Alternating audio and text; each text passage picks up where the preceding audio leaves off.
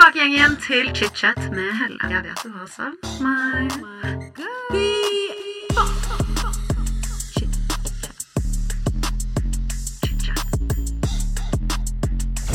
I dag får jeg YouTuber og influenser Sandra Toen på besøk.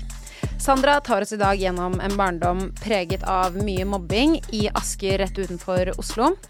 Pga. mobbingen så ønsket ikke Sandra å fullføre videregående. Dette var jo en veldig vanskelig tid i livet hennes, som hun forteller om i dagens episode. Men også pga. det at hun droppet ut, fikk hun muligheten til å starte sin YouTube-kanal.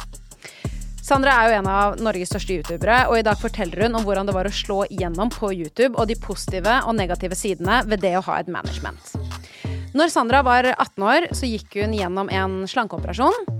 Dette snakker hun om mye i dagens episode. Hvordan det var å ta operasjonen, hvorfor hun gjorde det, hvordan det var å ta et brystløft, og, og hvorfor hun bruker Botox mot migrenen sin. For ikke så lenge siden så gikk jo også Sandra ut i media med at hun har fått seg dame. Hun forteller i dag om tidligere datingliv, hvordan det var å finne ut at hun var gay, og om dama hennes som hun akkurat har blitt sammen med. Det er ikke noe annet å si dere enn velkommen tilbake. Sandra, velkommen til ChitChat. Tusen takk. Veldig godt å se deg. I like måte. Takk for at du ville komme i podkasten. Jeg har jo eh, villet ha deg, tenkt på deg en god stund. Du gjør jo håret ditt hos en veldig god venninne av meg som heter Lotte Myrseth. En av Norges beste frisører, om jeg kan si det selv. Word. Og jeg føler at du, hver gang jeg ser deg, så har du enten en ny hårfarge, eller du har en ny look. And I freaking love it. Jeg var sånn, Dette er energien vi trenger i ChitChat. Ja, word. Det er sant. Men hvordan har du det om dagen? Det er et veldig stort spørsmål. Det er sånn det siste året, eller om dagen, eller siste uka. Altså, Jeg kan være litt førende, da, fordi eh, jeg vet at du har fått deg kjæreste. ja! Så da kan jeg egentlig kanskje spørre Lever du i en litt sånn forelskelsesboble om dagen? Ja. Og jeg hater det. Eller Gjør sånn, du det? Ja, fordi jeg har alltid vært sånn yeah. Å, det er så ekkelt, og folk er så klissete. Og alltid liksom vært sånn må dere stå på busstopp og kline, på en måte? Og jeg har blitt Å, jeg har blitt akkurat den personen. Og alle rundt meg påpeker det. De er sånn Sandra, mm, skal jeg quote deg på det du sa for liksom et halvt år siden? Jeg er sånn Nei, mm, mm, trenger ikke å høre det. Please ikke. Så ja, man blir veldig blind når man er i en sånn boble hvor liksom alt bare Alt er fint, og alt går greit, og Så det er jo veldig hyggelig, da. Det er liksom deilig. Få får liksom påfyll av sånn ny energi som man aldri har følt på før. Ja, det skjønner jeg. Herregud, det å være forelsket. Det er jo verdens beste følelse. Men jeg har aldri vært det før. Aldri? Aldri. Jeg har heller aldri vært i et forhold. Eh, ja, eh, så jeg vet liksom ikke hva den følelsen er. Og når folk snakker om at det er så deilig og det er så koselig, så er jeg sånn ja ja. Ja, men hallo. Hvor hyggelig er det egentlig? Ja, dere, liksom? kom dere Ja. over liksom, den der eh, første tida. Det er bare irriterende for oss andre. Vært skikkelig sånn bitter singel uh, i nå 24 år. Ja, ja, ja. 100% så, eh, så nei, jeg har aldri vært forelska. Har liksom ikke visst hvordan følelse det er uh, før nå. og følt på de følelsene før nå.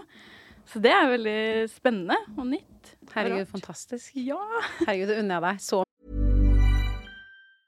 Quality sleep is essential. That's why the Sleep Number Smart Bed is designed for your ever evolving sleep needs. Need a bed that's firmer or softer on either side? Helps you sleep at a comfortable temperature? Sleep Number Smart Beds let you individualize your comfort so you sleep better together. JD Power ranks Sleep Number number 1 in customer satisfaction with mattresses purchased in-store. And now, save 50% on the Sleep Number limited edition Smart Bed for a limited time. For JD Power 2023 award information, visit jdpower.com/awards. Only at a Sleep Number store or sleepnumber.com. A lot can happen in three years, like a chatbot may be your new best friend. But what won't change? Needing health insurance. United Healthcare Tri Term Medical Plans, underwritten by Golden Rule Insurance Company, offer flexible, budget friendly coverage that lasts nearly three years in some states. Learn more at uh1.com. Many of us have those stubborn pounds that seem impossible to lose, no matter how good we eat or how hard we work out. My solution is PlushCare. PlushCare is a leading telehealth provider with doctors who are there for you day and night to partner with you in your weight loss journey. They can prescribe FDA-approved weight loss medications like Wagovi and Zepbound for those who qualify. Plus, they accept most insurance plans. To get started, visit plushcare.com slash weight loss. That's plushcare.com slash weight loss. Men eh, vi kommer jo litt tilbake til dette kjærestepunktet. Men først må vi gå litt tilbake i tid og snakke litt om barndommen din. Jeg leste at du har bursdag 14. oktober. Ja. Født 1997, så det betyr at du har bursdag i morgen. Sant? Herregud, gratulerer på forskudd. Takk! Veldig gøy. Kan ikke du fortelle oss litt om oppveksten din? Ehm, jeg er jo født og oppvokst i Asker. eh, og har liksom bodd der hele oppveksten. Gått på skole der. Uh, har liksom alle mine venner og bekjente derfra fra oppveksten. Nå er det nesten ingen igjen fra liksom skole og oppvekst som jeg har. Nå er liksom alle fra liksom jobb og sånne ting. Hvor, men du er fra Asker. Asker, ja. Så det er ikke så langt unna Oslo. Eh, ja, som sagt, har, har bodd der nesten hele livet. Eh, og så flytta vi litt til Lier, og så er pappa fra Drammen, mamma fra Asker. Så vi har liksom flytta litt, litt sånn fram og tilbake. Fra til Lier, og så tilbake til Asker, og nå så til Drammen, og så tilbake til Lier. Så, og så flytta jeg til Oslo. Så jeg var sånn I'm out. Du bare, Nå orker jeg ikke mer. Nå må jeg inn i bysenteret. ja, det var målet. Men har du, du har søsken. Har du to søstre? Det er riktig. Ja. Det, jeg har to halvsøsken som er eh, ganske mye eldre enn meg. Så jeg er da minstemann. Eh, og det er veldig koselig. Jeg ser jo på dem som helsøstre. Eh, og vi har et veldig sånn tett forhold. eh, og har liksom aldri definert oss selv som halvsøsken. Eh, men, eh, men det er veldig koselig. Jeg er også tante. Å, så Eh, hyggelig. ja, og skal snart bli tante igjen. Stas. Ja, så det er veldig koselig. Så nå, det tar bort litt presset på meg, da. Eh, jeg har bidratt med hund, så jeg syns jo det er veldig koselig. Eh, så nå, det kommer ikke noe barnebarn eh, fra min side. I hvert fall nå i første omgang. Men du er jo Hvor gammel er du nå? Du er 25? Jeg blir 25, ja. Ja, du morgen. blir 25 i Ja. Herregud. Lenge, ja, ja. Barn, det er langt inn i fremtiden. Nå har du jo fått hund, som du sa. Herregud, du har verdens søteste hund. Takk. I like måte. Oh, thank you. Jeg må si, Det er også sånn, apropos det å være forelsket, sånn som du nevnte i sted. Ja. Jeg tenkte litt sånn om folk som hadde hund, før jeg Ja. fikk hunden selv. Ja, før du fikk hunden selv. Ja. Oh my god, kan de være så snille å holde kjeft om den bikkja og den bæsjen nå, Å, liksom? fy fader. Og hundefolk er de verste. Unnskyld, sånn der, man kan jo faen aldri gå på tur. Oh. Eh, og du blir kjent med alle. Altså sånn, Du må stå og snakke med alle, om det er en mann på 60 eller sånn en, et vennepar. Og det er bare sånn Å, jeg vil bare gå på tur. Og den første, det første året òg er helt jævlig. det er koselig sånn når de er bitte, bitte, bitte små, og så bare blir de sånn djevler. Og det kjenner du deg sikkert igjen i. Ja, absolutt. Veldig hyperaktive djevler. Det er de. Absolutt. Men på ungdomsskolen, hvis du måtte sette deg selv i en boks, hvilket menneske var du? Var du liksom den som trente mye? Var du den som fokuserte mye på skole? Var du den populære? Uh, ingen av de. Ingen av de? OK, fortell. Nei, altså hele liksom uh, Egentlig fra barnehage til videregående var jo ganske sånn trøblete for min del.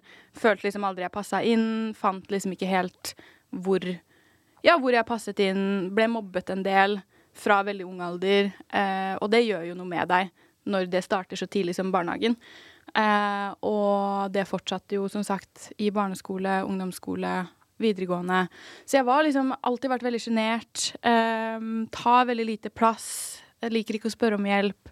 Eh, aldri vært liksom den populære eh, i noen på en måte stadier eh, av eh, oppveksten.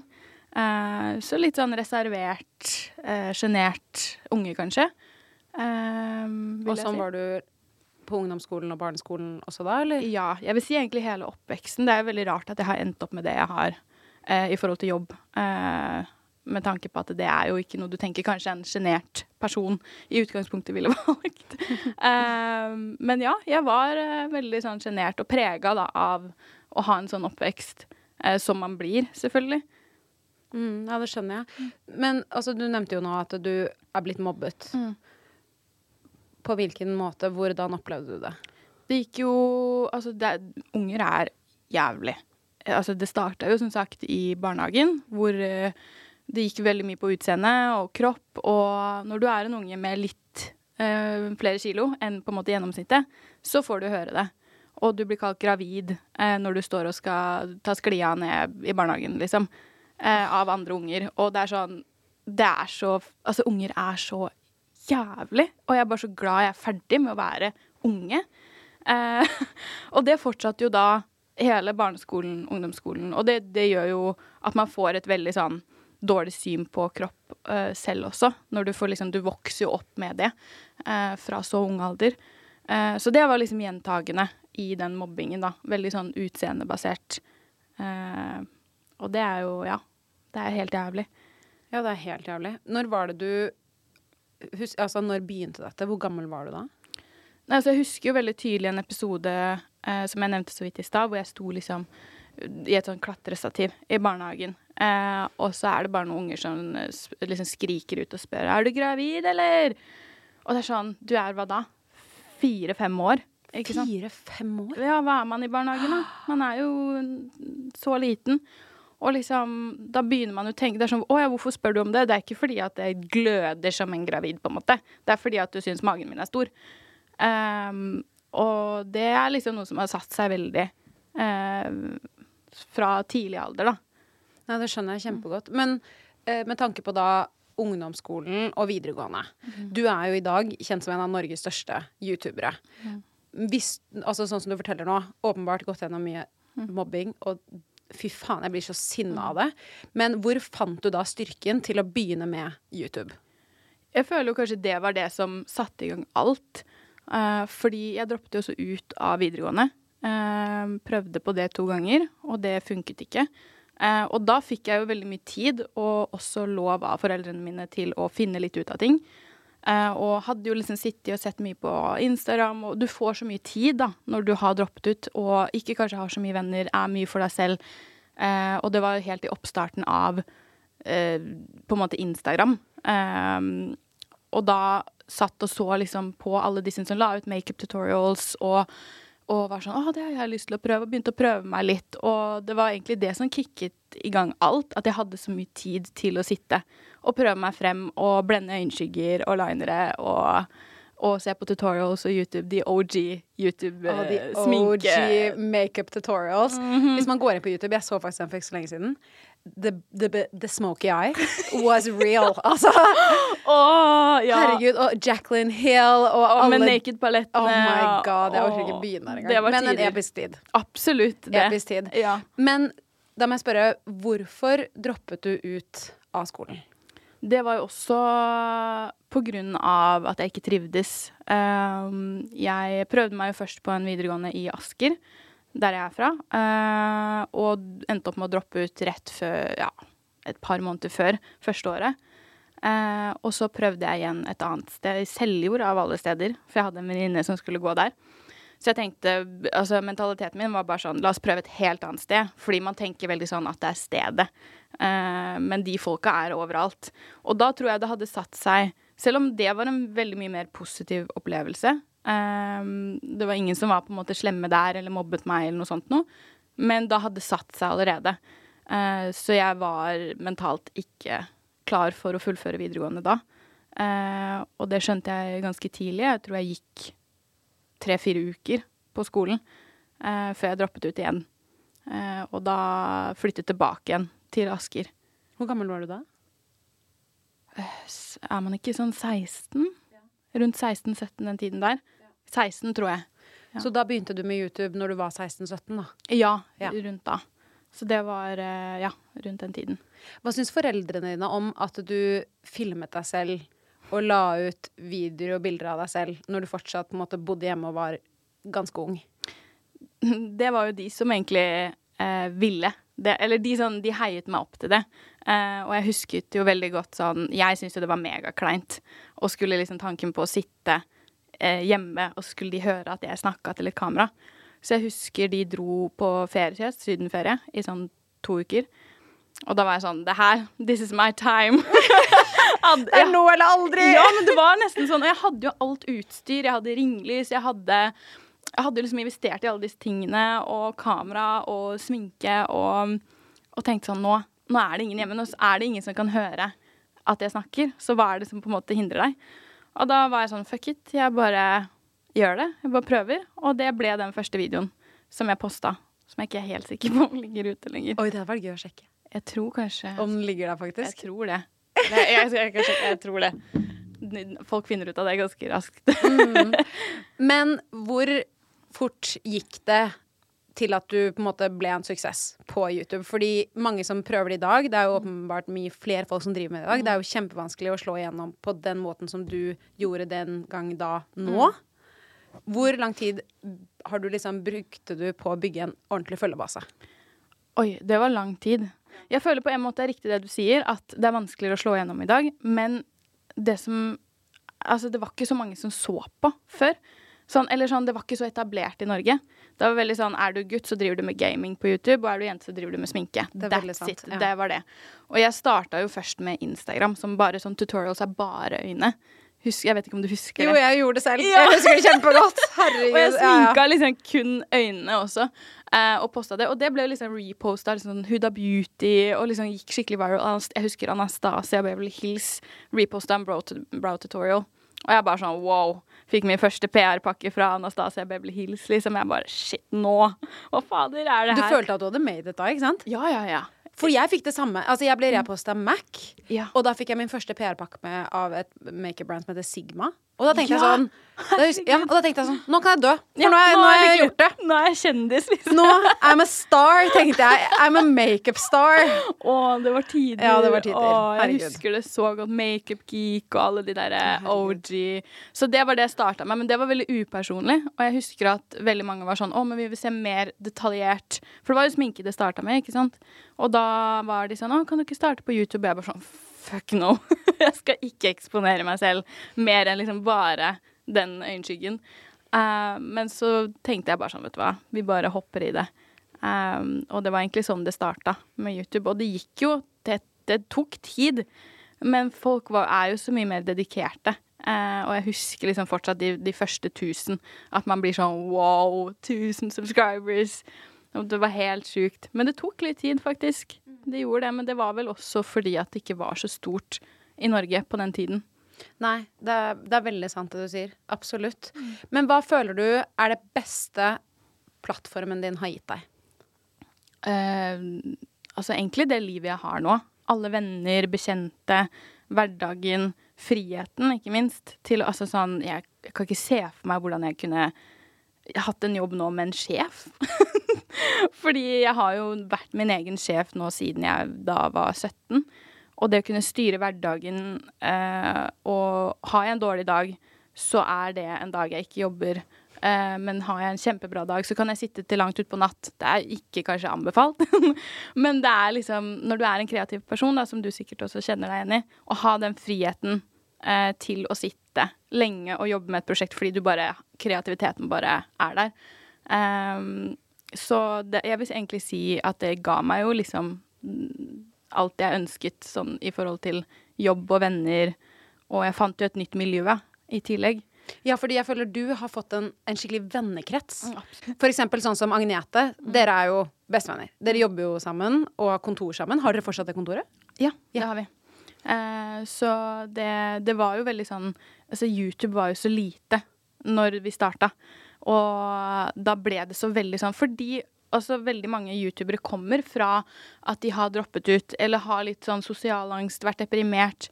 Så ble det veldig sånn Det ble veldig ekte når det miljøet først samla seg og, og ble større, da. Hvor man hadde hørt liksom om det bloggmiljøet som kanskje var veldig toxic i starten. Um, så var det veldig kontrast på YouTube-miljøet sånn i Norge, som var veldig fint fordi veldig mange kom fra litt sånn kanskje vanskelig utgangspunkt, da.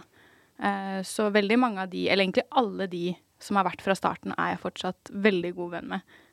Så sykt hyggelig. Er det, ble dere da venner gjennom YouTube, eller var det gjennom på en måte da eh, et management eller noe jobber dere har gjort sammen? Det var jo utgangspunktet gjennom YouTube, men så ble, det jo, ble man jo ganske fort signert med et management, og da var jo det egentlig Altså, managementet var jo egentlig mest for det sosiale eh, for så mange år siden, for det var jo ikke så mye jobber man fikk eh, da i forhold til nå. Eh, så det var masse liksom, sosiale eventer, og man ble liksom kjent, og det var jo egentlig perfekt når man er så ung og ny i en bransje, å ha et management, så det er jeg veldig glad for. For det samla liksom bransjen. Har du noen gang fått en kommentar på YouTube, en negativ kommentar, da, som har satt seg skikkelig? Eller preller det av? Jeg tror siden jeg må tenke på det, så tror jeg ikke det har satt seg. Nei. Fordi, Så bra. Ja, og jeg tror med YouTube så fordi du, du har fullt navn, det skal litt mer til å kommentere dritt der. Um, og Nei, jeg tror kanskje ikke jeg har fått altså sånn, Det er sånn 'Å, du er stygg, du er teit', men det er ikke Det setter seg ikke. Uh, så det er når folk kan være anonyme, de, de faktisk tar i. Men sånn på YouTube hvor du har fullt navn, og det er veldig lett, og du har en profil, da, føler jeg liksom den kulturen er ikke helt der. Men eh, hvor mye tjener du på YouTube? Nå har jo YouTube eh, tatt en ganske sånn brå nedgang i forhold til hva det var før. Sånn etter korona og TikTok har bare tatt av. Så folk har ikke oppmerksomhet til å sitte og se på YouTube lenger, eh, som er veldig synd. Eh, og det var jo altså Hva man tjener på YouTube, det er veldig vanskelig fordi eh, det kan være bra måneder, det kan være dårlige måneder, det kan være i forhold til hvor mye reklame du putter inn i videoene. Eh, men altså sånn det, det har jeg ikke noe tall på, egentlig. Nei. For det, selvfølgelig, det kommer jo an på, på videoer, hvor mye du publiserer, og, uh, og opptider og nettider. Men uh, en gjennomsnittlig god måned, da? Hva vil du si? Som før. Ja, før. Vi tar Ja. før covid nå. Ja. Eh, Eller før TikTok, på en måte. Mm. Som bare på liksom videoer og reklamer, så kunne man jo tjene kanskje ja, mellom 50 og 70 000 da, en måned. Eh, ja. Men da må man poste, posta man masse. Og det er jo sånn Da skal alt matche i forhold til at folk skal se alle reklamene. Det skal være god algoritme på YouTube, som hadde veldig mye å si. Eh, og det var jo en periode for, ja, før covid da, hvor man fikk liksom, kunne få 150 000 visninger. Eh, hvor i dag så får du så vidt 20, ikke sant? Eh, så det har jo ekstremt mye å si. Um, og skal jo ikke gå for mye inn på liksom det kjedelige, den kjedelige delen av det. Men de der annonsene som popper opp, og hvor mye de annonsørene har lyst til å betale for de annonsene, eh, har jo gått Går veldig sånn her, ikke sant? Så ja, går veldig opp og ned. Ja. Så, men det var jo en periode det var veldig lønnsomt å poste mye på YouTube. Men det er jo også ekstremt mye jobb. Eh, Sykt mye mer jobb enn det folk tror. Altså sånn, Som jeg nevnte deg i sted, jeg hadde jo min korte, korte YouTube-karriere. Altså, det var sånn, Jeg orket ikke. Det tok så mye lengre tid enn alt annet. Det med redigering, det å laste opp. Bare det å skulle få muligheten til å tjene penger der. Fordi du må jo ha 4000 watch hours, og Ja. du må ha over 1000 subscribers for i det hele tatt ha muligheten til å kunne søke om å få betaling. betaling. Og så må det bli godkjent, og så Ja. Og det tar jo det jo bare fordi da får du et brev i posten av Google eller noe sånt. Ja, hvor du får en sånn kode. Sykt opplegg, egentlig. Ehm, og det brevet tok to måneder før det kom til meg, så jeg husker at jeg bare gikk ut og ventet på det, jeg, og blomstret, liksom. Ja, jeg også fikk eh, jeg, jeg tror jeg skulle få det brevet, men det ble sendt til en gammel adresse. Så jeg fikk jo helt packeren. Jeg var sånn, Kan noen andre nå registrere seg og få liksom min utbetaling Eller sånn. Jeg bare sånn Hva fader? Men det er, jeg skjønner ikke hvorfor det er så gammeldags med det at du må få det fysiske brevet i posten. Men det var et eh, opplegg. Ja, det var et opplegg, ass. Det var det. Virkelig. Men litt tilbake til det med management. Jeg har jo veldig mange venner. Vi er jo litt i sånn samme miljø, åpenbart. Og jeg har veldig mange venner som ikke har hatt gode opplevelser med management. Hva føler du rundt det? Jeg har eh, Nå har jeg bare vært i to. Jeg var veldig heldig og ble tatt imot ganske tidlig av Splay, eh, som var et rent YouTube-management. Og, og på en måte De var ganske små da, når de tok inn meg også, så man ble jo på en måte med den og liksom vokste opp med de. Så ble jo liksom også venner, kollegaer, nesten sånn familie. Um, og jeg er veldig glad for at jeg var der så tidlig. eh, fordi Egentlig mest for det sosiale. Og så kom det jo jobber etter hvert. Man visste jo ikke hva man dreiv med når man er 17 år og plutselig skal gjøre en, et kommersielt samarbeid. Man aner jo ikke, på en måte. Så jeg er veldig glad jeg hadde det i ryggen. Eh, og var jo der da i nesten fem år, tror jeg. Og det var såpass lenge? Ja. eh, og følte nå i fjor at det var på tide å kanskje prøve noe nytt. Eh, fordi jeg hadde lyst til å på en måte utvikle min merkevare. da, Gå litt utenfor YouTube. Eh, om det var TV, podkast, hva enn. Bare prøve noe nytt. Når man har vært så lenge i et management. Og det var ikke noe drama. Det er veldig mange som tror det. For det er jo som regel det. At det er et eller annet sjukt som har skjedd. Um, det er ikke noe drama. Det er bare sånn man har lyst til å gjøre noe nytt. Prøve noe nytt. Um, så jeg signerte med Plan B. Uh, oh, så du er hos Plan B nå? ikke nå lenger. Ikke nå lenger? Nei. What happened? Ti. Nei da, det er ikke noe ti. Men, eh, men jeg var kanskje litt kjapp på uh, avtrekkeren der. Eh, fordi jeg var sånn OK, hva er det beste? Hva er det man har hørt om er liksom the best of the best? Og, og hvem har liksom de største profilene? Så tenkte jeg Plan B. Agnete hadde signert med Plan B og var veldig, veldig, veldig fornøyd. Eh, så jeg var sånn Det var nesten sånn at jeg solgte meg selv inn mer enn de ville ha meg. Fordi jeg var så gira. Jeg ble litt sånn blind på det, på en måte. Eh, og så tror jeg rett og slett at det kanskje ikke var en match i forhold til at jeg har så mye egentlig ideer og tanker og drømmer eh, og vil komme litt ut av den der influenserbobla. Eh, og de har kanskje ikke så mange influensere. Så det ble liksom mishmash der, eh, tror jeg. Og jeg er jo litt redd for å spørre om hjelp eller si ifra når jeg ikke er fornøyd med ting og sånn. Så jeg ble jo der eh, en god stund, men har egentlig nå nylig eh, sagt opp kontrakten min. Så nå står jeg uten noen ting. Ja. Hvordan trives du med det? Jeg har jo gjort det. Jeg gjorde det en periode mellom Splay og Plan B. Eh, og jeg liker egentlig det veldig godt. Da føler du at du har veldig kontroll på alt, og du liksom Eller både og, da. Du må jo ha veldig kontroll på alt. Eh, og du liksom sender dine egne altså sånn, kontrakter, og du, du, forhandler selv, og du føler deg veldig sånn businesswoman. Det er litt sånn deilig følelse. Men så er det liksom, hvis, du, hvis det blir så mye at du mister oversikt, så er ikke det bra heller. Uh, så jeg tror nå skal jeg bare ta en litt sånn pause, kanskje. Før jeg ser på muligheten til å kanskje ta litt møter med andre management i fremtiden. Men det er jo veldig mange som eh, på en måte Jeg føler nesten de fleste er mer misfornøyd enn fornøyde. Ja, for det er akkurat det jeg føler på. Ja, Og det skal jo også sies at de tar jo en stor køtt av kaken. absolutt. Hvor store cuts har du vært ute for? Eh, eh, det er vel egentlig sånn standard 20% Ja. 20-25% Det er ganske lite, fordi noen managements tar 40. Ja, ja, ja. Jeg har hørt føler- at Eggman tar 40. Oi. Jeg har hørt det. 40. Ja, det Ja, tror jeg jeg og de har jo profiler som Funky, og liksom store profiler som makes a lot of money. Jeg tror Eveline var hos de. Jeg er ikke helt sikker på om hun er der fortsatt. Jeg tror ikke det. Jeg vet tror ikke det. For Evelina er the biggest businesswoman I Yes. know. Mm. Og jeg vet at hvis de hadde tatt 40% av de der 15 millionene, eller hva hun omsatte for i Hun hadde Hun bare Nei. Hun hadde aldri tillatt det, for jeg. Ja. nei, absolutt ikke. Og hun eh, jeg, tror, jeg vet ikke helt uh, hva hun gjør nå. Om hun er alene eller hva. Nei, det vet ikke jeg heller. Men uh, jeg tror Man må liksom finne det som passer for seg. Og, og jeg sier jo ikke at Splay er dårlig, jeg sier ikke at Plan B er dårlig. Det er supre management som absolutt vet hva de driver med, og er veldig respektert i bransjen, begge to. Eh, men man må finne det som passer til seg. Altså, vi er jo individuelle profiler som er så forskjellige. Så selv om begge driver med sminke, da, si, så er du fortsatt to helt forskjellige profiler. eh, som må kanskje behandles på to veldig forskjellige måter. Um, og det er jo det å finne den matchen da med din manager da, som er viktigst av alt. Det er jeg helt enig i. Det er så sykt, uh, sykt riktig. Men uh, jeg må bare spørre, da, med tanke på Splay, når du var hos de i fem år, tok de da en typ 20-25 kutt av alt du tjente på YouTube òg, da? Ja, de tok av alt.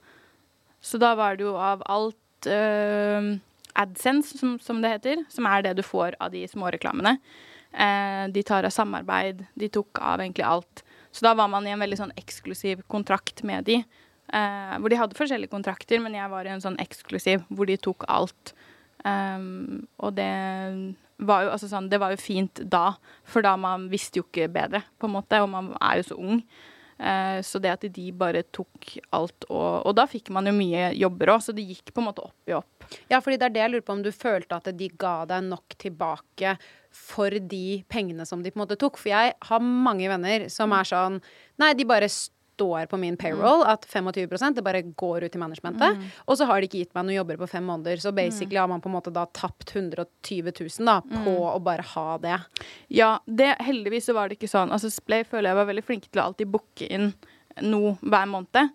Um, men etter hvert som på en måte færre så på YouTube, så gikk prisene veldig ned, og så begynte man å lure på hvor gikk den andre delen av pengene til, da. Og, og det er jo når man blir mer voksen og man setter seg mer inn i det òg, det er jo mine penger, det er min økonomi, som jeg har Jeg må jo ta ansvar for, ikke sant. Um, og gjøre litt research. Og man snakker jo veldig mye og åpent i den bransjen her. Og hører litt sånne ting fra eh, fra hverandre, da. Om liksom cutter, hva, hva som egentlig har blitt utbetalt fra kunde, og hva du sitter og får. Og så tenker du bare hvor hva, Det er ikke 20% Og det er liksom 20% den summen de har presentert, det du får. Altså det er sånn ja, du sitter og Det der syns jeg er så bra at du snakker om, for jeg har hatt denne praten med en eh, god kollega. Jeg skal ikke si navnet for å ikke Ja. Men i hvert fall, eh, hun fortalte meg at hun hadde vært hos et management. Managementet, Dette fikk hun vite av kunden som hun hadde en god relasjon med. Og dette samarbeidet hadde pågått i mange måneder. Og uh, det var da et samarbeid som hun fikk utbetalt 20 000 fra. Og så møter hun da denne kunden på et event, helt random, etter mange års samarbeid, nei, mange måneders samarbeid. Og så sier den bare sånn Ja, nei, du er jo blitt veldig dyr, da. Og hun er sånn Jeg er ikke spesielt dyr. Jeg er jo bare sånn Hva er det dere betaler? 30? Jeg får jo 20. Og de hun bare Nei, vi betaler 70 og 75 000. Så hun, så hun da, som the creator, satt igjen med 20 000 ish. De betalte 70 000, og i midten så gikk det til saksomkostninger, som liksom vet- managementet kalte det. Ja, jeg vet hvem det er snakk om. For det Ja. er akkurat denne situasjonen her som gjorde at jeg valgte å gå ut og gjøre det selv. Eh, fordi det er, så, det er så mye sånn sorte tall, da. Som du hører. Og, og det er det, det som er fint med at vi snakker med hverandre. Om priser. Jeg føler det er veldig sånn deilig å ha den, fordi man er venner og kollegaer. Og da blir sånne ting gjennomskua veldig fort også. Um, så akkurat denne situasjonen Jeg tror vi snakker om samme Jeg person. det, altså. Ja. um, og når du hører noe sånn, da, da er da du begynner å liksom lete litt sjæl og gjøre litt undersøkelser selv òg. og jeg merket jo det det halve året jeg var for meg selv, hvor lett det var for kunder når jeg, jeg var sånn Å, nå skal jeg si en høy pris bare for å se. Og de var sånn Ja, ja, OK. Jeg var sånn Oi. Det var kanskje ikke så høy pris. Fordi at de er jo vant til å få en ti ganger så høy pris fra et management. To pluss to er fire, ikke sant? Så det er, det er nok litt sånn sorte tall der eh, som man ikke vet om. Og man blir nok litt lurt, spesielt som ung, eh, som ikke vet, og plutselig får veldig mye penger inn på konto. Og du, det høres ut som store summer når du er 16-17 år, eh, men når du begynner å vokse opp litt og se litt inn i det, da, så er det ja, veldig mange sorte tall. Det er det. Nei, jeg er så glad du snakker om det, fordi de eneste som vinner på at vi ikke snakker om det eventuelt, er jo de som sitter i management, eller de som sitter og er mellommannen, da.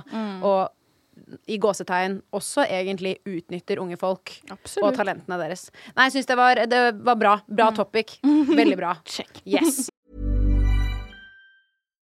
Hi, I'm Daniel, founder of Pretty Litter. Cats and cat owners deserve better than any old fashioned litter. That's why I teamed up with scientists and veterinarians to create Pretty Litter. Its innovative crystal formula has superior odor control and weighs up to 80% less than clay litter.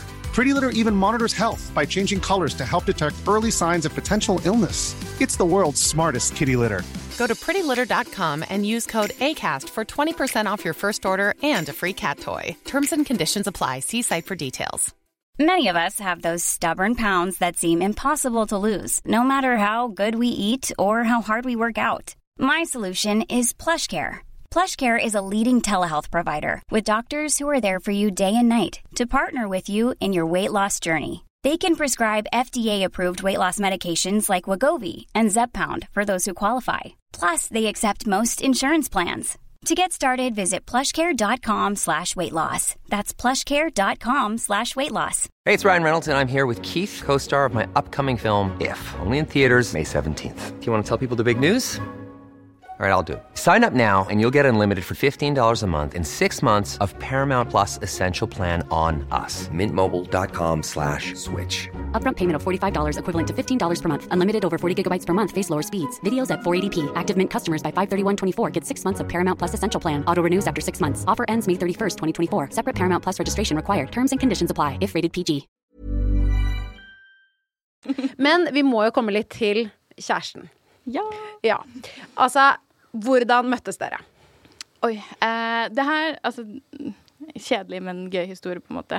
Eh, vi har eh, Vi møttes for over et år siden for første gang gjennom en av mine Altså, min bestevenninne er også hennes bestevenninne. Eh, så det var en sånn jentekveld hvor vi liksom skulle møte begge gjengene. da Skulle ha liksom en jentekveld hvor, hvor jeg møtte de, og de møtte meg. Altså, eller sånn. Så det var sånn merge, altså, eh. Tenkte ikke noe over det da sånn spesielt, men det var liksom første gangen vi møttes. Og så har vi jo møttes et par ganger etter det, og så har man på en måte fått litt sånn Hm, hva er det? hverandre. Ja, Ja. på en måte Altså, jeg har jo ikke visst Jeg visste ikke at jeg var Jeg visste ikke at hun var Det var bare sånn Så mye forvirring. Eh, men jeg, jeg var sånn hva er, hva er det her? Det er noe. Men hva var forvirringen på? Om jeg var gay. Ja. Eller om hun var gay. Eller Let's om be hva- real. Uh, Let's be honest. Ja. Altså, jeg skjønte ikke. Jeg har jo vært så forvirret, og det kan vi komme tilbake til. Uh, men så jeg har, jeg har vært sånn av og på med jenter på Tinder. Alltid hatt gutter på Tinder, men jeg har vært sånn OK, skal vi ha begge, da? Bare sånn innimellom. Men så syns jeg det er så skummelt. Og så er det sånn i ettertid så tenker jeg sånn Hvorfor syns jeg det var så skummelt? Eh, jo, fordi mm, Hallo. det, er, det er fordi du er litt uh, skeiv, på en måte. Eh, det gir mer mening nå. Eh, men eh, Og da plutselig så husker jeg eh, at hun dukket Jeg hadde jo Tinder Gold, så jeg kunne se hvem som hadde lika meg. Og så så jeg at hun hadde lika meg, og jeg var sånn Hm. Fortsatt sier til meg selv sånn er dette sånn Oi, der var du! Fordi når man ser kjentfolk på Tinder, så er det noen ganger man bare er sånn Ei! Akkurat som med min kjæreste. Ja, ikke sant? Helt, altså akkurat det samme. Ja. Liksom. Ja. For dere også kjente hverandre fra eller Jeg hadde- hverandre siden vi var 13, så jeg trodde jeg var en kompis. Ikke sant, det helt Og jeg trodde jo at jeg skulle bli sammen med en dame, og så falt jeg for en mann igjen. Jeg hatet jo menn etter den jævla skilsmissen min. Jeg ante ikke det. Jeg var, hadde bare dame på Tinder, jeg. Men jeg var helt lik som deg. Ja. So confused. Ja, In my sånn- own mind. Ja, og i Ja. hvert fall når man har, liksom, man har en liten relasjon til den personen fra før av. Og når det er en jente Jeg vet ikke helt hva jeg er, jeg visste ikke at hun var Altså hun, hun venninna mi som vi har felles, hun har jo bare hatt helt sånn Hva heter det? Skyggelapper. Hun har helt skyggelapper på at, og gitt informasjon begge veier. Eh, ikke gitt noe hint eller noe som helst.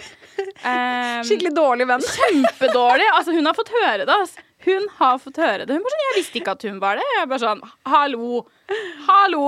Eh, men så var jeg sånn OK, vi får like hverandre, da. Og så var det litt sånn eh, Og så husker jeg sto med venninna mi Bea bare sånn Hva skal jeg skrive? Hva skal jeg skrive? Og hun skrev liksom Hei Hva var det hun skrev? Et eller annet med noe flamme-emoji. Noe litt sånn flirty. Litt flirty. Og så var jeg sånn Men betyr det Er du sikker Nei, hun skrev OK, hun skrev. Tar tilbake. Det kom på nå. Hun skrev 'Der var du, ja'. Med sånn flamme-emoji. Og så var jeg sånn Å, nå er det sånn Å, der var du. Sånn vennegreie. Jeg hadde tolket det helt litt som deg. Ja, jeg hadde vært akkurat like usikker. Ja. Så jeg sto med Bea, vi hadde sånn selvbruningskveld som vi har, hvor vi står og bare smører hverandre inn og bare Jeg var sånn Hva faen betyr det? Er det sånn 'Der var du, ja'? Eller er det sånn 'Der var du, ja'? På en måte. Og hun bare sånn «Ah, 'Jeg vet ikke'. Jeg var sånn 'Ja, men det er jo flamme-emoji, da'. Og hun bare sånn 'Ja'. Og så var hun sånn 'Ja, du kan si Og hun er mye flinkere enn meg til å skrive. Så jeg var sånn 'Hva skal jeg si? Hun bare sånn 'Kan du ikke skrive noe sånn 'Hey girl, hey'? Og jeg var sånn Og jeg, jeg Her er det to stykker som er under gjennomsnittet på flørte. Det må jeg bare si. om der! Og det sjukeste av alt er at begge har fått seg kjæreste nå, så det, hvis vi klarer det Men noe har dere gjort riktig, da. Ah, fy fader. Så da, da, og det har jeg fått vite i ettertid av kjæresten min. Hun bare sånn Du skrev 'Hey girl, hey'. Altså sånn hvordan skulle, Hva skulle jeg komme tilbake med? Sånn, eh, altså Da trodde jo hun at jeg var sånn Nei, der var du. Så jeg bare sånn Nei, det var som å putte et sånn Uno reverse card på Ja. hele samtalen. Eh, men så fortsatte vi å snakke, og det var faktisk eh, rundt sånn natt, eh, kveld til 17. mai-ish. Så det ble liksom naturlig samtale med det. Litt sånn flørting frem og tilbake. Og det var da vi skjønte begge to at OK, det er ikke bare sånn Hei, der var du, på en måte. Og så um, eh, utvikla det seg til at man legger hverandre til på Snap. Og da, skjønte, da skjønner man med en gang litt mer hva stemninga er. Eh, og da var det mer flørtende eh, med en gang. Eh, så det er liksom den historien. Men det gjør det jo liksom vanskeligere når man ikke helt vet selv hva som er ståa. Man har ikke fått noe informasjon eller input fra det som skal være liksom felles venninne. Em, som absolutt ikke har gjort jobben sin. så hun får ingen kred for eh, det forholdet her. Nei. I det hele tatt. Å, veldig gøy. Men har du alltid datet gutter før? Var dette første damen du datet? Ja, eller jeg hadde en eh, opplevelse med en jente da var jeg ganske ung. Sånn 16 15-16 Jeg husker ikke helt, for å være helt ærlig. Som eh, Jeg vil si kanskje traumatiserte meg litt. jeg skal være ærlig. Um, for hun var veldig sikker. Og jeg var sånn Eller jeg har aldri hatt liksom det behovet for å komme ut. Og så har jeg tenkt sånn Å ja, men hvis jeg vet, så vet jeg 100% Akkurat som gay people har en regnbue i seg. Liksom. Det er ikke så tydelig. Man tenker det, ikke sant? You know what I mean. Ja. Helt enig. Ja, så jeg var sånn, jeg har ikke det behovet. Og hun var veldig sånn eh, Sånn skrev lange innlegg på Facebook, veldig sånn som skulle komme ut, og hadde liksom, var veldig passionate. Og det er veldig fint. Eh, og man er ung og hormonell og veldig mye følelser. Så hun pressa seg jo veldig på Eller hun pressa veldig på det at jeg måtte komme ut. Jeg måtte si til foreldrene mine Jeg måtte det, det, det, det. Og selv om jeg hadde følelser for henne, og vi data lite grann Eller hva kan man kalle det dating når man er så ung, da. Men ja, snakka litt, data litt. Så hadde ikke jeg det behovet. Og det ble veldig sånn på Altså pressa på. Følte du da at eh, fordi hun presset så hardt, at du på en måte Da skal jeg i hvert fall ikke gjøre det, på en måte? Sånn, eller sånn Dette er ubehagelig, nå må jeg bare trekke meg unna fordi Ja, eller jeg fikk jo nesten litt sånn Å ja, men hvis du øh, mener at det er naturlig, hvis man er lesbisk, da, så er jo ikke jeg sånn. Og når du er 16-17 år, og det er allerede så mye tanker oppi hodet ditt, og så tenker du å ja, men jeg føler jo ikke sånn som du gjør rundt det å være lesbisk og ha den samme på en måte Jeg må komme ut, jeg må være, må si det sånn Altså jeg ble veldig pressa til alt, da. Så føler jeg at det gjorde at jeg trakk meg mer tilbake. Ehm, absolutt. Og det er jo ikke hennes feil. Det er jo bare fordi man er ung, og man har Altså det er jo et veldig sårt tema for mange, og jeg tror det var veldig sårt for henne også. Kanskje også at hun Hun var jo redd for at jeg kanskje ikke var det, og pressa derfor at hun For hun var jo redd for at kanskje jeg var straight. Jeg er redd for å miste deg, sikkert. Ikke også, sant? Ja. Det er jo så mye, og jeg skjønner den siden òg, men derfor ble jo jeg så redd for å Siden jeg ikke hadde den regnbuen inni meg, da, eh, som jeg trodde man kanskje hadde, og visste 100 eh, så tenkte jeg sånn, ja, men da, da tør ikke jeg å tråkke i noe salat, på en måte. Og har jo liksom bare lagt det helt på hylla. Og det er jo veldig synd nå, på en måte. Eh, men, eh, men ja. Men du har jo i hvert fall fått deg en nydelig kjæreste nå. Ja, det har jeg. Trodde foreldrene dine at du skulle komme hjem med en gutt? Nei, eh, altså folk har jo ikke akkurat blitt overraska, på en måte. For jeg har jo ikke vært i et forhold på 24 år. Eh, og da begynner jo på en måte spørsmålet Spørsmålet har vært der. Eh, det, er mange, altså, det er jo egentlig venner og familie og de rundt deg som ser det egentlig først. Så de var sånn å ja. Og mamma og pappa de syns bare det er kjempekoselig. Eh, og vi skal jo faktisk hjem og besøke de for første gang nå i morgen. På bursdagen din? Ja, på bursdagen min. Oh, så fantastisk, det blir første gang jeg tar med noen hjem til mamma og pappa. Veldig spent på hvordan det kommer til å gå. Gleder du deg? Jeg gleder meg, men jeg tror, eh, jeg tror de gleder seg mest. Det er litt sånn overtenning, tror jeg. Um, Men så fantastiske foreldre du har, Ja. som liksom gleder seg så mye til det. Sånn, ikke med tanke på at hun er en dame, men bare det å være så embracing av at du Mm. skal ha med en person hjem. Jeg føler at eh, der kan familiedynamikker være veldig forskjellig. Noen Absolutt. er veldig åpne. Noen er veldig sånn later som du ikke er der, nesten.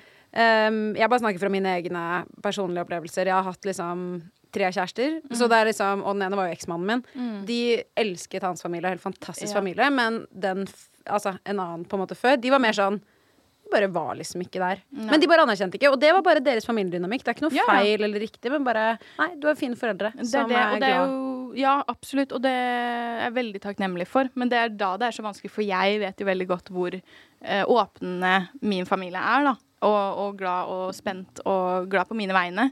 Så da, da er det også liksom Man forventer jo nesten det hos den andre parten når man skal møte svigers, ikke sant. Men det også har gått, jeg har gjort det, og det gikk også veldig, veldig fint. Eh, så nå bare bank i bordet. Håper det går like bra når hun skal møte foreldrene mine. Men jeg tror, jeg tror det går bra. Jeg tror de nesten er- gleder seg mest av alle. Å, det er fantastisk. Ja. Herregud, så koselig. Ja. Så koselig. Men vi må snakke litt om Du har vært åpen om at du har tatt en brystreduksjon. Mm. Hvorfor valgte du å gjøre denne operasjonen? Eh, det er vel Altså, jeg har jo tatt eh, Det er sikkert et spørsmål du har også nedi der. Jeg vet, ser for meg at du har gjort litt research. Jeg er den største stalkeren i Oslo. Det er Ja, det jeg bare sier ja. til alle gjestene mine. Jeg elsker det. Og, og det startet jo med at da jeg var 18, 18 tror jeg, eh, så tok jeg en slankeoperasjon og gikk ned veldig mye i vekt. Og da begynner ting å henge. og heldigvis, jeg var heldig med mye, for jeg gjorde det da jeg var ganske ung. Eh, men når man mister så mye vekt, så er det mye ja, mye som henger, og det var eh, en eh, Altså sånn Jeg levde jo med det i mange år etterpå tenkte at det går fint. Og, men det ble en så stor usikkerhet for meg etter hvert. Det med liksom Kroppen hadde jo vært en usikkerhet hele livet mitt, som jeg snakket om i stad. Eh, og, og da var liksom alt det på plass. Jeg følte meg fin og hadde fått selvtillit. Og liksom Og så var det den ene tingen da som holdt meg tilbake. Eh, hadde liksom Jeg husker jeg hadde sex med bh på. Fordi jeg ville ikke ta den av. Altså sånn, sånne ting som ja, eh, skal være helt naturlig. Eh, og sikkert ingen andre tenker over. Men for meg, så det var bare for min del. Fordi det var sånn OK, nå føler jeg meg endelig for første gang i livet så bra eh, med kroppen min og fått liksom så god selvtillit og sånn. Selvfølgelig, jeg har cellulitter, masse cellulitter, jeg har lår som disser. Eh, så på en måte eh, Men det var ikke noe som plaget meg. Men det med puppene var så sånn hemmende, da. I det å liksom Og du vokser opp, og det er så mye nye ting du skal liksom oppleve. Det å ha sex, det å liksom eh, på en måte være selvsikker, og så Ja, så har du ikke den selvtilliten når du kommer til akkurat det, da. Så jeg valgte rett og slett å bare gjøre det for min egen del. Og, og jeg husker jeg tenkte mye på det sånn, for jeg var redd for at OK, hvis jeg gjør det her, kommer det til å være en ny ting?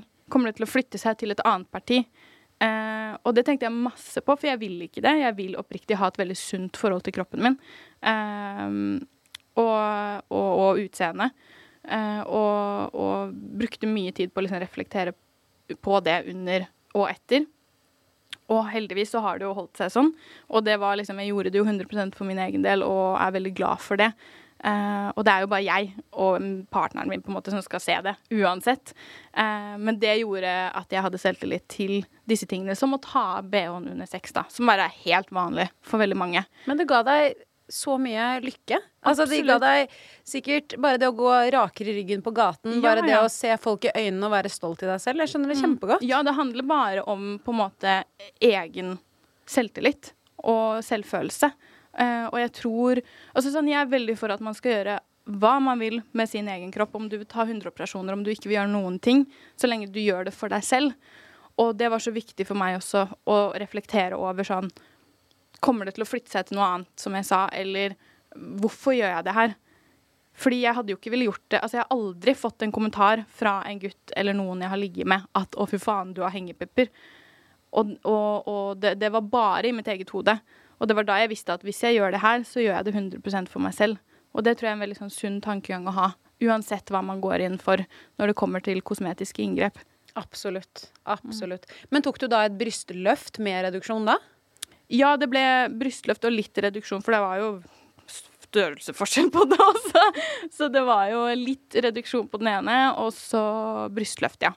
Uh, så jeg var bare sånn Bare få det, få det, så flatt som mulig. Jeg vil bare åh, Bare den følelsen av å kunne gå uten bh. Det må ha vært så mye lettere. Sånn tyngdemessig, liksom bare på kroppen, da. Ja, ja, veldig. Og man blir jo veldig sånn krumrygga, og liksom Man går liksom ikke rak i ryggen, og man har den der usikkerheten heller, da. Um, så det har bare vært så deilig å kunne liksom Ja, bli kvitt den usikkerheten og den tyngden, ikke minst sånn fysisk og psykisk, da. Ja, det skjønner jeg. Mm. Men den eh, operasjonen, mm. eh, slankeoperasjonen mm. Kan du fortelle om hvordan det var å gå igjennom den prosessen, og hvordan du kom frem til at du ønsket å ta den operasjonen? Det Det var jo Ja, ja absolutt. Det var jo da jeg var 18. Rundt 18, tror jeg. Eh, jeg tror man må være det. Ja, jeg vil kan, tro det. Ja. ja. Du kan jo gjøre det offentlig, og så kan du gjøre det privat. Og jeg valgte å gjøre det privat, eh, for jeg har jo gått egentlig hele livet eh, overvektig. Og det har vært en veldig stor fysisk og mest psykisk hindring for meg. Eh, men det er jo ikke noe å legge skjul på at når du er overvektig, så kommer det også fysiske ting eh, som, som, kan bli veldig farlige, og som kan bli veldig helsefarlige etter hvert også. Jeg hadde heldigvis ikke fått liksom noe helseplager av det som diabetes eller hjertefeil, men det er jo sånn som nesten er rett rundt hjørnet når du har ganske mye overvekt. Men det var jo sånn Jeg hadde slitt med hele livet. Eh, den overvekten og det psykiske aspektet ved det. da. Eh, og det hindra meg masse. Det hindra meg å dra på ting, oppleve ting sosialt. Eh, jeg tror aldri jeg hadde hatt den jobben jeg har i dag, og turt å på en måte være meg selv. Eller det, det vet jeg 100% at jeg hadde ikke turt å på en måte være meg selv 100 eh, hvis ikke jeg gikk gjennom med det. Eh, fordi det, det har liksom vært en ting hele livet. Helt siden nei, barnehagen. Eh, så det var noe jeg valgte å gjøre. Gjorde jo research på det helt selv. Det var jo absolutt ingen som fortalte meg om det. Eller sånn, man har jo hørt om de der eh, fra USA. eh, og man hører om de ekstreme tilfellene. Eh, men jeg gjorde all research selv, og jeg husker så godt jeg satte meg ned med mamma og pappa og fortalte jeg hadde lyst til å ta den operasjonen. Og jeg skammet meg så mye. Fordi, eller du, det er så mye skam da, rundt det temaet, og det å være 18 år og skulle ta, i hvert fall på den tida, det er jo hva da, fem-seks år siden nå? Sju? Veldig dårlig matte. Jeg droppet syv ut av videregående. um, og da var det i hvert fall få som tok den operasjonen, og ikke veldig mange på min alder.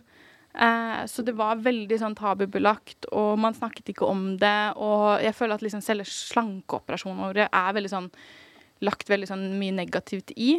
Um, Det føler jeg òg. Og jeg skjønner ikke hvorfor, på en måte, Nei. egentlig. Men eh, jeg, jeg føler at det også har blitt et negativt ladet ord. Ja. Når det egentlig sikkert gir så mange mennesker så mye livsglede tilbake.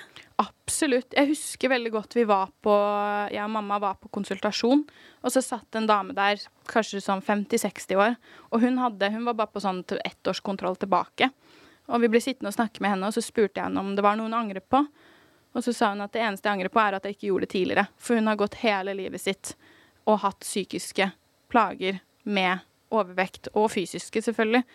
Eh, og det ga meg veldig sånn perspektiv på det. At det sånn, jeg hadde lyst til å gjøre det så ung, for, og jeg er glad for det. For det var liksom før Det er så mye nytt som skal skje da, i de 20-åra, eh, som jeg vet jeg hadde hindra meg selv i og holdt meg tilbake om jeg ikke hadde vært fornøyd i egen kropp.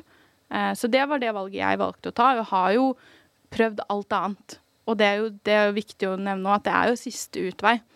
Eh, men eh, det Nei, det er jeg veldig glad for at jeg tok det valget. Det skjønner jeg. Mm. Åh. Nei, det er veldig Ja, nei, det er bare godt å høre noen snakke om det, for Mm. jeg føler at dette er et tema som du også nevnte, er veldig tabubelagt. Og jeg føler at mange har gått igjennom det, men ikke snakket så mye om det. Mm. Jeg føler at det er nok informasjon der, egentlig, sånn i samfunnet. Mm. For jeg vet ikke så mye om det. Hvordan foregår en slik operasjon? Det er, eh, det er to forskjellige, eller kanskje jeg tror det har kommet flere også nå. Um, men den jeg tok, som heter gastric sleeve, det er at du fjerner en liten del av magesekken, sånn at den blir mye mindre. Og så Det er egentlig det. Og det gjør at du ikke får i deg så store måltider. Eh, og da klarer du å på en måte Det er jo egentlig bare kaloriunderskudd. Som om du skulle gått ned eh, den normale måten, da. Eh, men det setter en sånn stopp, sånn at du klarer ikke spise mer. Og jeg sleit jo veldig med liksom, overspising, trøstespising, eh, disse tingene her, som gjorde det veldig vanskelig for meg å stoppe å spise. Eh, så det satt den der fysiske stoppen da, på å klare å overspise.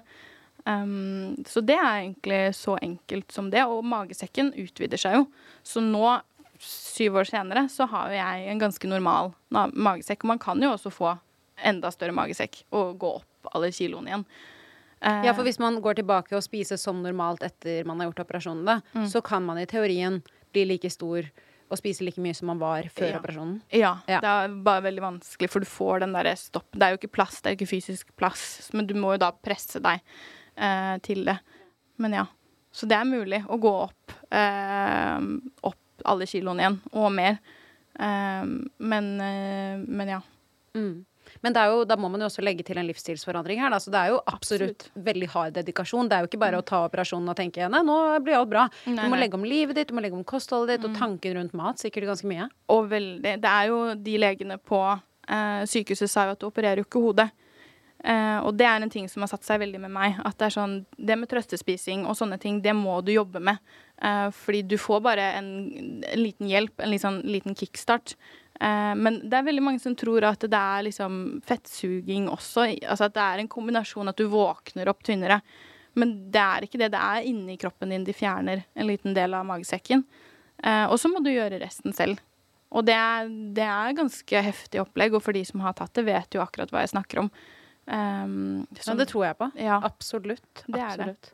Du har jo også nevnt i en av YouTube-filmene dine, videoene dine, at du har også tatt eh, Botox mot migrene. Ja. Jeg har ikke migrene selv. kan ikke du fortelle om hva migrene er, hvordan det føles ut, og hvorfor du har valgt å ta Botox for det? Altså, migrene er jo De vet jo nesten ikke den dag i dag hva migrene er, for det er så mange forskjellige ting. Eh, og jeg husker eh, at pga. mye stress og ting med skole, så hadde jeg jo konstant vondt i hodet, og jeg har jo pappa har migrene, så vi tenkte at det var greit å sjekke ut det ganske tidlig, eh, og dro til nevrolog. Og jeg tror jeg var sånn 16-17. Eh, og prøvde ut masse forskjellige medisiner. Altså alt fra blodtrykksmedisiner Det er helt sjukt, fordi det er så mange forskjellige varianter av migrene. Da. Og det som funker for noen, funker absolutt ikke for noen andre. Eh, og det er noen som kaster opp, det er noen som bare må legge seg på Altså jeg var veldig sånn, jeg måtte bare legge meg på et mørkt, kaldt rom. Eh, og det er så intens um, hodepine at du bare Du klarer ikke Du hø klarer ikke å høre lyd, du må bare ha det helt mørkt, helt stille. Um, super superlydsensitiv, lyssensitiv. Um, og, og, det er jo veldig mange som tror du bare har vondt i hodet. Uh, så det er jo veldig frustrerende også. Um, og etter å ha prøvd litt forskjellig, så anbefalte hun nevrologen at vi prøvde Botox. Og jeg var sånn Oi! Botox når du har sett den, liksom. Det er jo Mamma bare sånn Yes, ja, men da gir du litt til meg også. men det er jo ikke Det er faktisk to forskjellige typer Botox. Det er ikke samme Botox som eh, når du gjør det kosmetisk. Er det ikke det? Fordi det er ikke det. Botox er jo bare nervegift. Det er det, men jeg har hørt at det er en liten forskjell i det, og det er jo veldig forskjell i hvordan du setter det også. Eh, så de setter det Altså den er egentlig den eneste, eneste, estetiske forskjellen du får, er når de setter den mellom øyenbryna. Eh, for da kan du bli litt sånn stiv her, og så setter de det liksom langs hårlinjen, i hodet, Eh, i nakken og i skuldrene.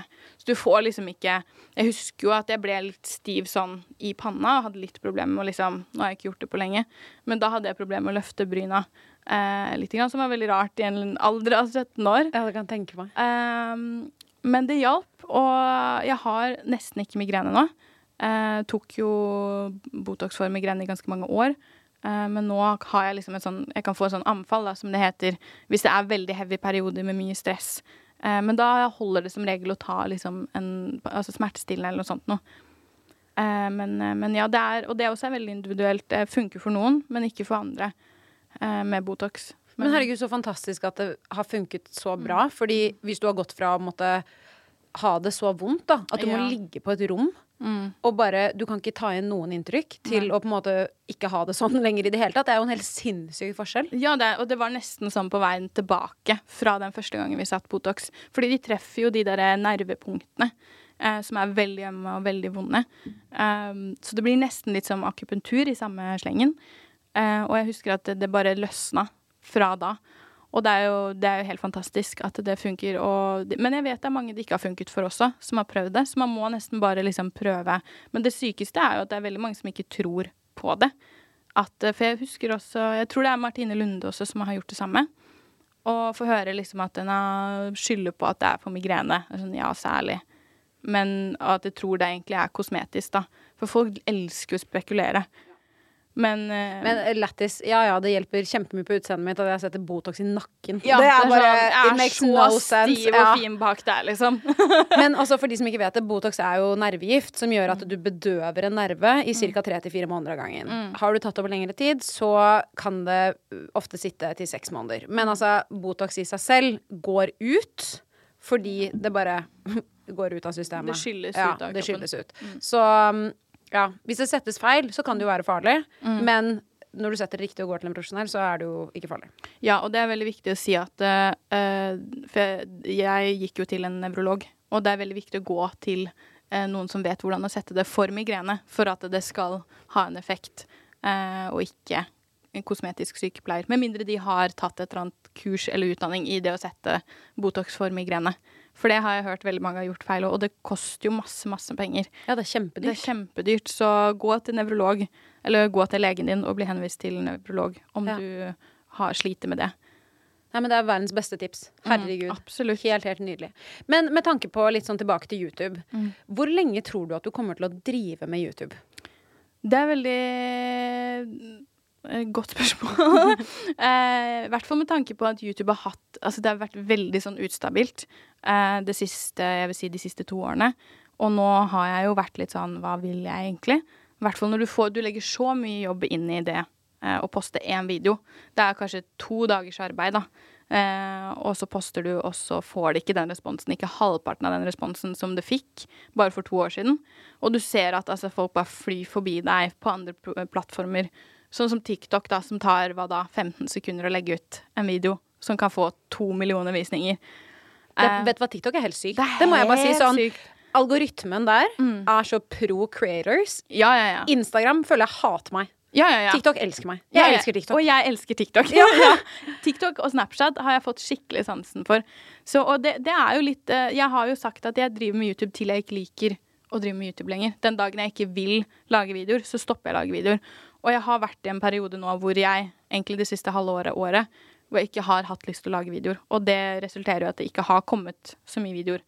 Så jeg tror liksom istedenfor å si ja, jeg slutter, eller nei, eh, jeg fortsetter, så er jeg litt sånn Jeg legger ut når jeg har lyst. Eh, men jeg har heller lyst til å legge energien min i andre plattformer. Eh, som også gir meg mer tilbake, da. Som jeg ser også folk syns er gøy. Eh, som TikTok og Snapchat nå, som, har, som er faktisk veldig stort i Norge nå. Det blir kjempestort. Kjempestort. Jeg elsker å se på andre selv. Jeg tar meg selv og liksom ser på helt sånn tilfeldige mennesker som jeg ser på den derre Ikke For you-pagen, men den Explorer-pagen. Absolutt. Ja, Og bare hører om hvordan de lager kaffe eller vasker tøy eller Jeg syns det er så fascinerende. Altså, det beste jeg vet på TikTok, er folk som forteller psycho-historier fra sitt eget liv. Å ja. Ja, ja. Jeg blir forelsket i mennesker rundt på hele jordkloden. Altså, det er helt sykt når folk forteller om liksom, folk de, alt fra de har datet, eller syke Det er så mange mennesker fra Mm. Som forteller historier om familiemedlemmer deres som bare har forsvunnet, eller er borte, Ja. eller har blitt drept. Og jeg er bare sånn Hva slags Skjer det her? Hva, Det er så sjukt. Herregud. Men det er et rabbit hole vi ikke skal gå ned i. Ja, ja, ja, ja. Herregud. Men eh, også med tanke på fremtiden. Mm. Har du noen drømmer du ønsker å oppnå? Eh, Jeg, eller ja, både ja og nei. Eller sånn ja, ja åpenbart. men eh, men eh, jeg prøver å tenke litt sånn Jeg tar én dag om gangen. Eh, Jeg har jo drevet med det her i seks-syv år. Eh, og, og når du starter så ung, så på en måte du, du, du går gjennom veldig mange faser, da. Sånn jeg starta jo med sminke, og så går du over til å finne ut Jeg har lyst til å gjøre mer, og så plutselig er ikke Altså hadde du fortalt meg for fire år siden at du skal vurdere å slutte med YouTube, så hadde jeg bare sånn ledd deg i trynet. For det er liksom min passion, det har vært min plattform i alle år. Så det er sånn, du må bare ta en dag om gangen, og liksom OK, kanskje ikke YouTube er eh, for alltid, da, men det er altså, sosiale medier føler jeg er liksom det jeg har lyst til å drive med. Eh, og etter hvert kanskje finne ut hva man gjør med det. Altså det er så mange veier man kan gå. Det er jo eh, Du får så mye kontakter, og du er i en bransje hvor folk har veldig lyst til å liksom hjelpe deg, og, og også kanskje lage ting sammen. Og det er jo sånn som med beautybloggerne, da. Hvor det liksom Plutselig bare finner man hverandre, og så er det et nytt konsept, og så kan man spille videre på det, og så kan det bli podkast, og så kan det bli Instagram, og så kan det bli Altså, det er liksom Det slutter jo aldri.